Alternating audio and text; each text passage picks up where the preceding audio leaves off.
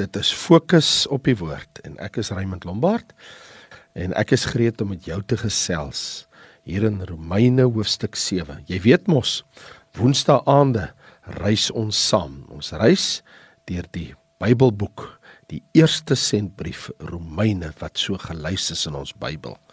So ek lees saam met jou daarvan hoofstuk 7 af enkele verse. Of weet julle nie broeders, want ek spreek met mense wat die wet ken, dat die wet oor die mens heers solank as hy lewe nie. Want die getroude vrou is deur die wet aan die lewende man gebonde, maar as die man sterwe, is sy ontslaaf van die wet van die man. Daarom dan, as sy 'n ander man sin word terwyl haar man lewe, sal sy 'n egbreekster genoem word. Maar as die man sterwe, is sy vry van die wet, sodat sy nie 'n egbreekster is as hy 'n ander man sin word nie.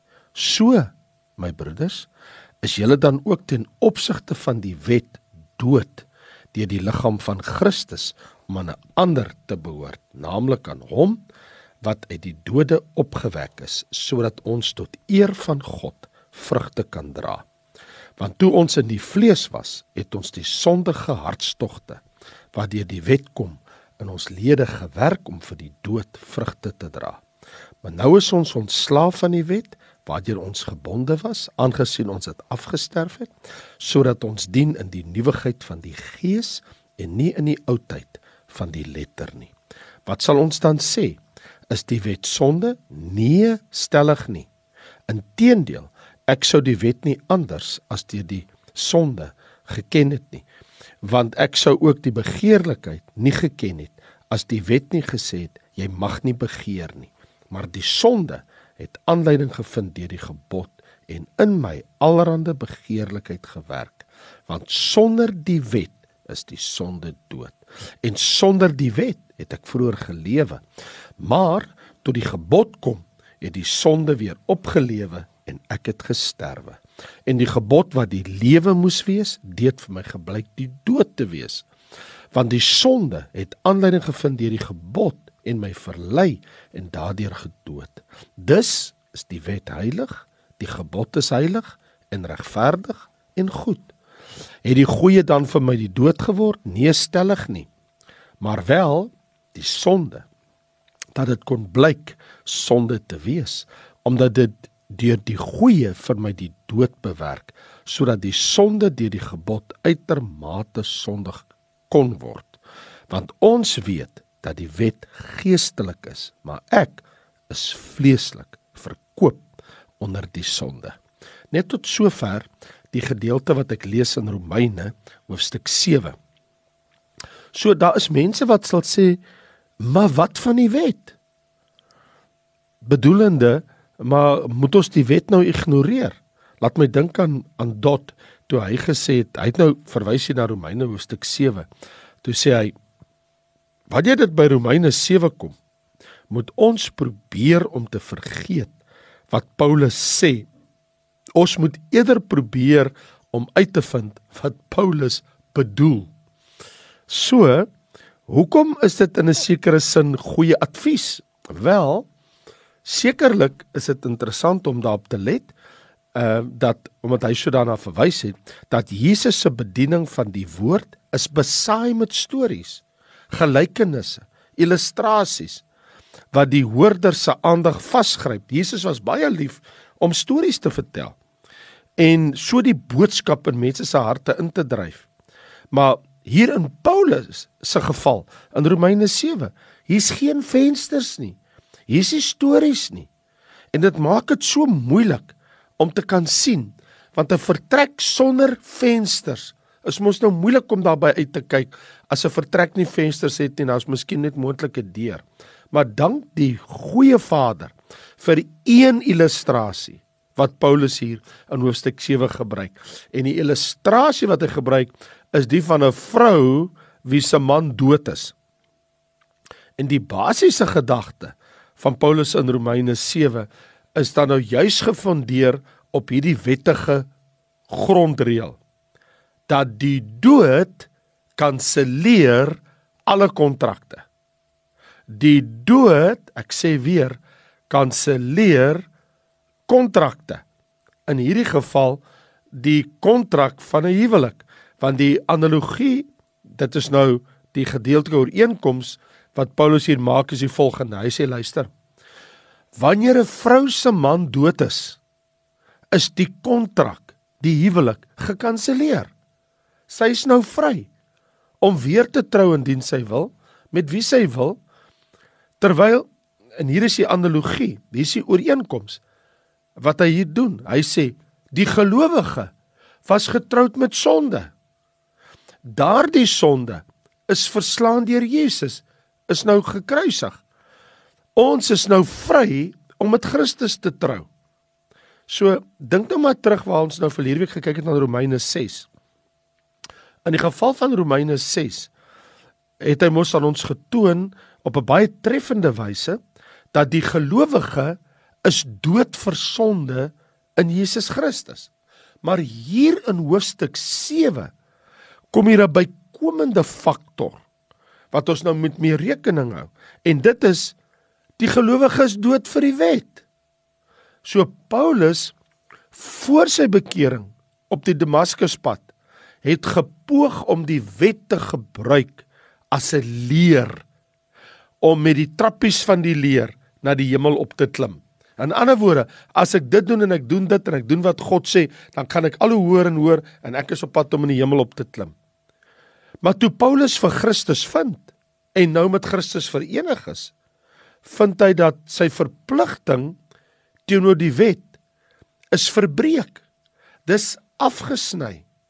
Dit is losgeskeur, afgeskeur, want Christus het gelowiges kom bevry van die wet en van wettisme.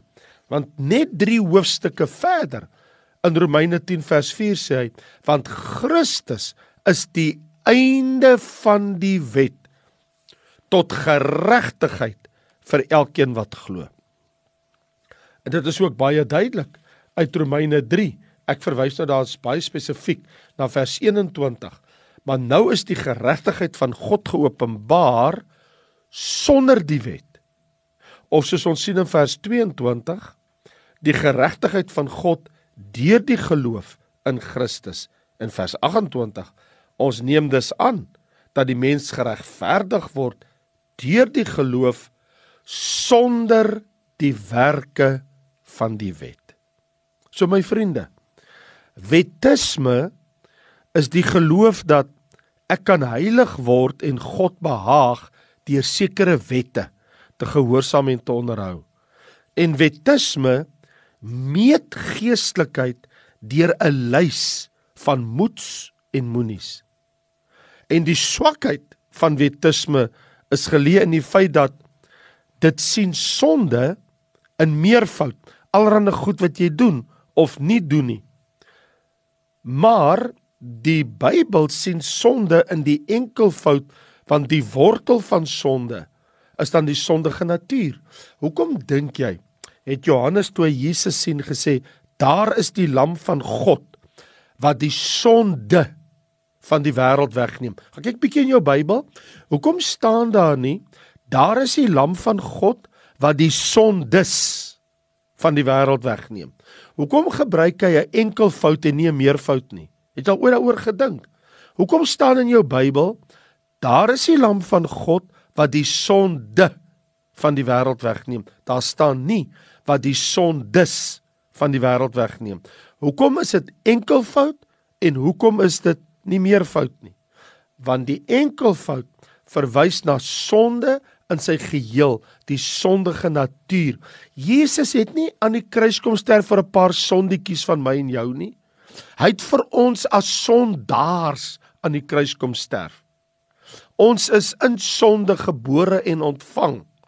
In ander woorde, Christus het vir die hele konsep van sonde het hy sy lewe kom gee. Maar wettisme dit oordeel die uiterlike en nie die innerlike nie. Want wettisme kyk van wat jy doen en wat jy nie doen nie.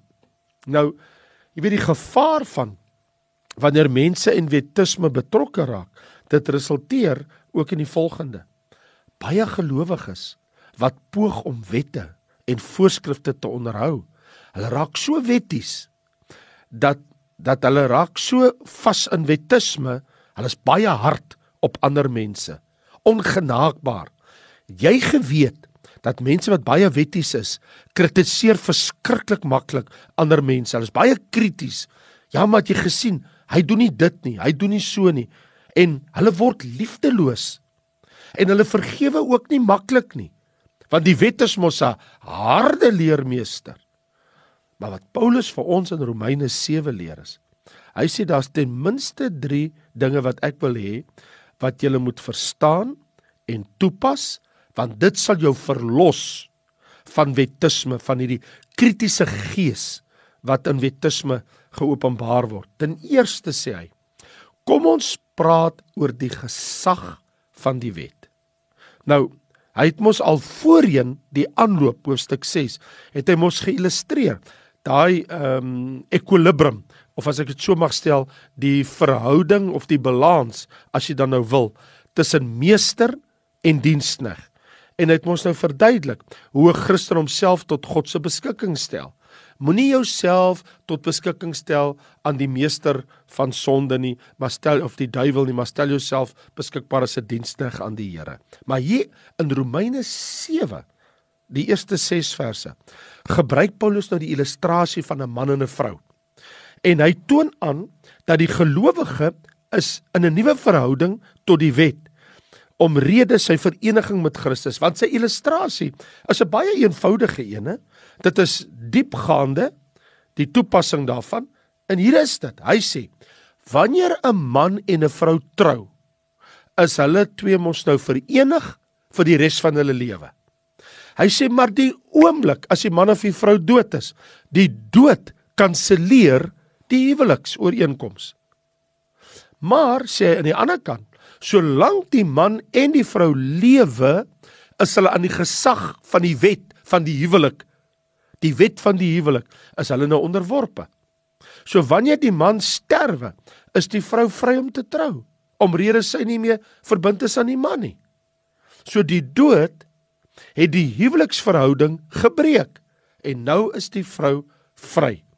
So wat is Paulus se toepassing? Hy sê Having said that met aan alles aggenome wat nou gesê is. Die gelowige is dood vir die wet. Luister wat sê in vers 4. So my broeders, is julle dan ook ten opsigte van die wet dood deur die liggaam van Christus. Hy sê in ons ongeredde staat voordat ons tot bekering gekom het, was ons onder die gesag van God se wet. En ons was daar gestel en ons is onder die oordeel van die wet. Hy sê maar die oomblik toe jy jou vertroue in Jesus Christus geplaas het en jy met Jesus verenig is, het ons gesterwe vir die wet. Net soos die man dood is en die vrou is vry uh om te uh, trou met wie sy wil, sê hy, die oomblik wat jy in Christus Jesus is, is die wet vir jou gekruisig, vasgenaal Kolossense 2 vers 14 en 15 aan die kruis. Ons is dood vir die wet. Dit heers nie meer oor ons nie. Dit het nie meer beheer oor my en jou nie. Dit laat my dink aan Galasiërs 3. Dis 'n grypende vers wanneer Paulus in vers 19 sê: "Wat beteken die wet dan? Dit is bygevoeg weens die oortreding totdat die saad aan wie die belofte gegee is sodat totdat daai ene sou kom en dit is deur Christus Jesus. So aan die ander woorde die wet was geldig net totdat Jesus Christus gekom het. So die wet, ek is ontsla van die wet. Romeine 7 vers 6. Maar nou is ons ontsla van die wet. Ek is ontsla van die wet. Christus se dood het my ontsla gemaak van die wet.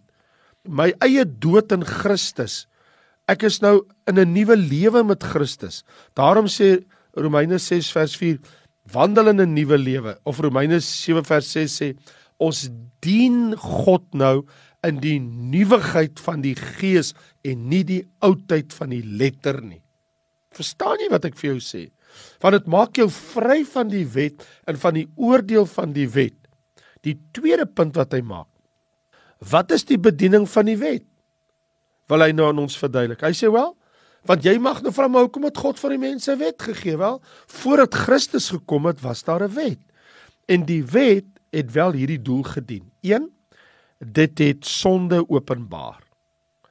Jy sal nie weet wat 'n sonde tot die wet vir jou sê wat is verkeerd nie. Soos byvoorbeeld hier in Romeine 7 vers 7 staan daar ek sou die sonde nie anders as deur die wet geken het nie want ek sou die begeerlikheid nie geken het as die wet nie gesê het jy mag nie begeer nie. So, hoe weet ek wat is reg en wat is verkeerd? staan in die wet. En so wat die wet doen is die wet openbaar wat is reg en verkeerd. Want sonde sonde beteken mos om die merk te mis. So die wet wys mos maar jy die merk gemis. Jy's nou skuldig. Die tweede ding is wat hy sê, hier's 'n skokkende ding. Die wet gee aanleiding tot sonde. Want hy sê, maar die sonde het aanleiding gevind deur die gebod, deur die wet. En in in my allerhande begeerlikheid gewerk. Want wat hy sê is die oomblik as jy hoor ek mag dit doen ek moenie dit doen nie, dan doen jy dit. Dit is soos 'n klein seentjie nê. Toe my laaitjie klein was, En ek sê vir hom, Raymond, jy kan nie daai sweets nou eet wat daar op die tafel is nie. Eet eers jou kos. As jy jou kos opeet en jy het jou groente opgeëet, dan kan jy nou daai lekker kry wat pappa vir jou daar neergesit het. Maar jy kan nie die sweets eet voor jy kos geëet het nie. Nee. En dan is die versoeking daar, dan staan ek op en ek gaan gou kamer toe, as ek terugkom, is die kos nie op nie, maar die sweet is geëet. Nou wil ek weet, maar wat het jy nou gedoen? Nee, ek het niks gedoen nie. Ek sê nee, maar jy het. Jy die jy die lekker opgeëet voordat jy jou kos opgeëet het. So dit is wat presies gebeur dat ek het 'n gebod gestel. Ek het gesê jy mag nie dit doen nie. En vraggies dan gaan hy en hy doen dit. Dit is presies wat die wet doen. Die wet sê jy moenie dit doen nie en dan gaan doen jy dit. Hy sê dit is wat gebeur. Deur die gebod is 'n aanleiding. Maar nou baie duidelik, ek bedoel dink maar vir jouself in die strate van ons stad, in die dorp, daar waar jy ry. Jy ry nog altyd op 'n twee-rigting pad. Vanoggend ry jy werk toe die rigting, vanmiddag ry jy werk toe in die teenoorgestelde rigting. Tot op 'n dag wat die munisipaliteit besluit daai stukkie pad gaan nou een rigting maak. Nou kan jy mos nie dat die dag as daai pad nou een rigting is en jy het nou met daai pad nou werk toe gery en daai pad is nou een rigting. Jy kan mos nou nie omvlieg en sê maar ek het altyd op daai pad so gery en ek gaan nou op daai pad terugry in die een rigting nie. Jy gaan 'n groot ongeluk veroorsaak want jy oortree nou die wet. Maar daar was nie voorheen 'n wet nie. Voorheen het die wet van die pad gesê jy kan vorentoe en, en terugry. Jy kan jy kan in in hierdie een rigting ry en jy kan in die teenoorgestelde rigting ry maak dit seker jy is aan die regte kant van die pad. Nou is die nuwe reël. Nee nee nee. Die pad is nou verander in 'n een eenrigting pad. So wat gebeur? Die oomblik as daar 'n wet kom, dan dan kan jy mos nie teen die nuwe wet optree nie, want dan tree jy mos teen die padreëls op. Nou net so het ek 'n baie interessante ding. Ek weet van 'n vrou wat toe ons hier in hierdie streng lockdown was, nê, nee, in die Grendeltyd. Het sy so wrintie waar. Jy gaan nie glo wat ek vir jou sê nie. En ek het die storie gelees. Sy het so wrintie waar in haar motor geklim en al die pad uit die noordelike voorstede op die snelweg op die N1 tot in die stad Kaapstad gery want sy wil gaan shop het by die waterfront. En sy het dit gedoen. Teen al die reëls Want ek bedoel, voorheen kon enige iemand enige tyd Waterfront toe gery het, maar nou met die Grendeltyd is hier 'n nuwe wet wat geproklaameer is deur die staat en spesifiek ook in die munisipale area wat sê niemand ry op die pad en jy gaan nie inkopies daar doen nie. Jy bly waar jy is. En natuurlik het sy mos nou 'n boete haar op die hals gehaal, want die wet wat skielik daar is, het nou aanleiding gegee tot sonde, tot oortreding toe. En dis wat Paulus sê, die wet maak dood. Die wet maak jou skuldig. Wet gee nie lewe nie. Die wet toon ook ons sondigheid. Ek wil vir jou sê die wet bring die hel nader. Ongeredde mense weet daar is so iets, so sonde, maar hulle besef nie die erns nie. Baie Christene, hulle verskoon hulle sonde deur te sê, "Ag, weet jy, ek het maar net 'n ou foutjie gemaak. Dit was maar net 'n swakheid geweest."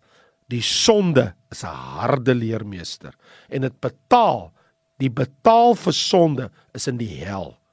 En dit het Jesus se lewe gekos om my en jou te verlos van die mag van die sonde en van die hel. Ek wil laastens vir jou iets sê. Wat Paulus hier in Romeine 7 doen is hy toon aan ons die onvermoë van die wet. Want wat kan die wet nie doen nie? Die wet kan ons nie verander nie.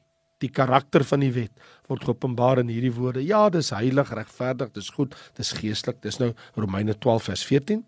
Maar want dit kom van 'n goeie, heilige, regverdige God af. Maar geestelik omdat die wet handel met die innerlike mens, dat die geestelike deel van ons hart, dit kan nie in die hart kom nie. Want die onvermoë van die wet lê juis hierin. Dit het nie die vermoë om 'n mens se ou sondige natuur te verander nie. Dit openbaar maar net hoe is jou sondige natuur. Die wet kan my nie help goed doen nie. En dit is juis Paulus se uitroep. Hy sê Hoe kan ek ooit iets goeds doen?